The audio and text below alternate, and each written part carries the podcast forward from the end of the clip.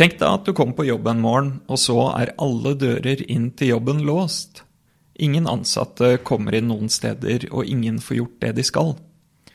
Det var omtrent det som skjedde med Hydro i mars 2019.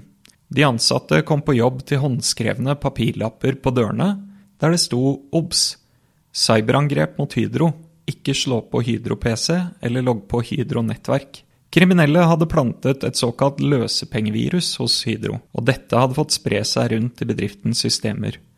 Beskjeden fra de kriminelle var enkel. Betal, ellers så får dere ikke tilbake kontroll over systemet deres. Kripos' nyetablerte avdeling Nasjonalt Cybercrime Center, også kalt NC3, ble tidlig koblet inn i saken, etter at Hydro anmeldte angrepet til politiet. Dette var det første dataangrepet NC3 fikk på sitt bord. Saken er fortsatt under etterforskning, men vi har med oss etterforskningsleder Bjørn Erik Aubert, som har jobbet med saken siden den startet. Hvordan startet Hydro-saken for NC3? Nei, vi så eh, 19.3.2019 eh, dette her i media, da eh, Hydro eh, da selv var ute og sa at eh, de var rammet av løsepengevirus. Vi var raskt eh, i, da, for å prøve å innhente ytterligere informasjon og forberede da å ta kontakt med dem. senere på dagen, når ting hadde fått roet seg litt for dem, så med, avtalte vi da et møte med ledelsen i Hydro på Vekkerø. Hvor vi da eh, reiste over og kunne da eh, gå i dialog på hvor, hva politiet kunne bistå med. Eh, både med, med, sikring, men ikke minst da videre etterforskning og undersøkelser på hva som hadde skjedd. Og vi var helt klare på at eh, det vi skulle bistå med, ikke skulle forhindre hendelseshåndteringen deres. Eh, så det, dette var noe som skulle gå i tosporet. En etterforskning som går ved siden av, og vi får informasjon fra dem når de har kapasitet til å gi oss den informasjonen. Så det var veldig viktig at vi fikk eh, klare eh, kontaktpunkt og kommunikasjonslinje på hvordan vi skulle dele informasjon på dette. Og at de da fikk en mulighet til å innlevere en anmeldelse når de fikk skrevet denne.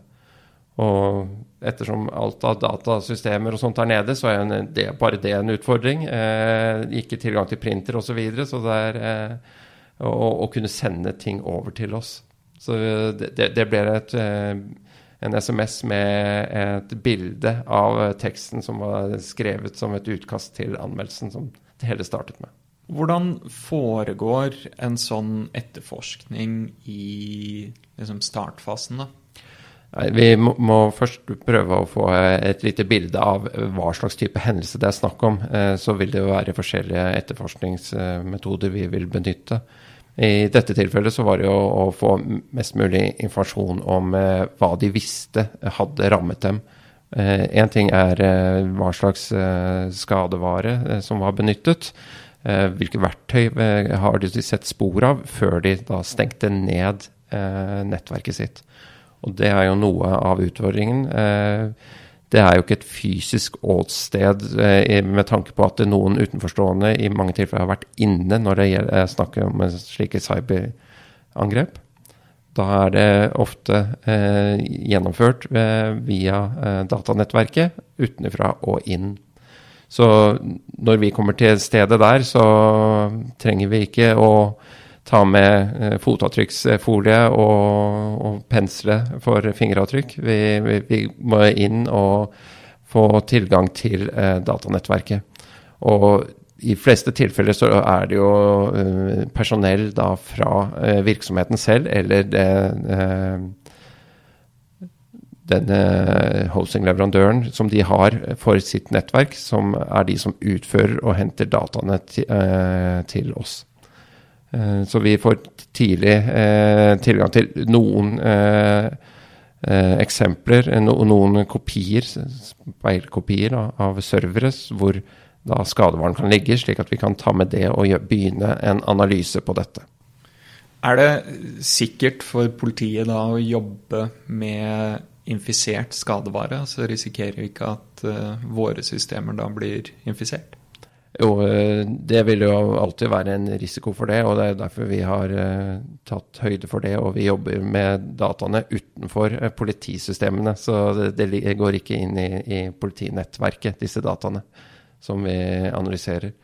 Etter hvert så er, er jo en speilkopi sikker i seg selv, men det er jo når man gjør analysen av eventuelt det som er skadevare, som kan da sette i gang og være Eller føre for videre spredning.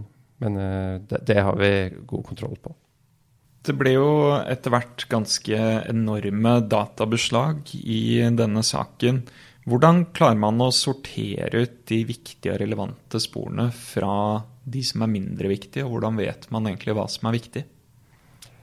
Til å begynne med så vet man jo ikke helt hva, hva, som er viktig. Eh, man vet ikke hvor angrepet har startet. Man vet ikke hvordan eh, da man har kommet seg inn på datanettverket. Så det vil være det første vi prøver å finne ut. Hva er det som er kommet inn, og hvordan har det kommet inn? Og for å finne ut av det, så er vi jo avhengige av å få tak i noen logger. Og da er det gjerne det logger av eh, punkter som da slipper trafikk inn og ut av datanettverket til fornærmede. Eh, og det å få tak i disse dataene det er jo litt utfordrende, ettersom eh, virksomheter kan ha eh, lokasjoner i mange land. Og at eh, veien inn har vært i et helt annet land. Og hvis du skal få tilgang til dataene, så tar ting litt tid å få det sikret og få det over til eh, noen som kan gjøre analyse av dette. Så til å begynne med så er det egentlig veldig lite informasjon man har å jobbe ut fra. til å begynne med. Det er derfor det er så viktig å komme i dialog med fornærmede. Få inn fortløpende litt informasjon som kan være spor som vi kan begynne å sikre og gå i retning av tjenester eh, som er ute. Eh, kanskje i et helt annet land for å få innhentet dette og gjøre analyse. Så vi er nødt til å starte med de halmstråene vi finner, og innhente dataene. Og så blir jo da, datamengden blir jo stor når vi begynner å få disse dataene inn og begynner å skal gå gjennom dette. Men eh, når vi ikke vet hva vi ser etter, at det blir litt sånn nåla i høystaken eh, for å lete etter hva, hva er det som faktisk er eh, tegn på eh, fra en utenforstående inn i nettverket. Det kan være utfordrende, og er ofte utfordrende for seg, og betydningen av de sporene vi ser. Hvordan forbereder dere dere før dere går inn på et sånt, kall det åsted? da? Ja, eh, det vi har, eh, eller normalt gjør, det er jo at vi sørger for å ha med eh, det, mm, de, det personellet som vil være behov for da er det både eh, etterforskningsleder, kanskje påtale i forhold til hvis du skal treffe ledelsen i en virksomhet osv. Og, så videre, og diskutere litt på hvordan skal vi jobbe videre. I tillegg til teknisk personell. Så da ha med utstyr for, og programvare for å gjennomføre en sikring av eh, servere. Hva skiller et digitalt åsted fra et åsted med mer analog eller tradisjonell kriminalitet? Ja, eh, Forskjellen er jo primært det at eh, her vet vi jo i mange tilfeller at eh, gjerningspersonen har ikke vært fysisk til stede. Så det er, det er ikke så mange fysiske spor på, på åstedet rundt eh, der virksomheten er. Så det er lettere for en eh, eh, gjerningsperson å benytte verktøy som anonymiserer ytterligere når han tar seg inn fra et eh, kanskje tredjeland der han sitter. Så i de fleste tilfeller så er det jo et grenseoverskridende kriminalitet det er snakk om. Der person sitter et sted, gjerne fornærmede i ett land, og ikke minst da infrastrukturen som gjerningspersonen velger å bruke, kanskje i et tredjeland.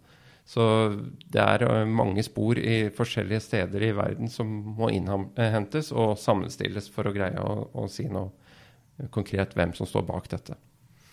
Og vi vet jo nå at sporene peker mot utlandet.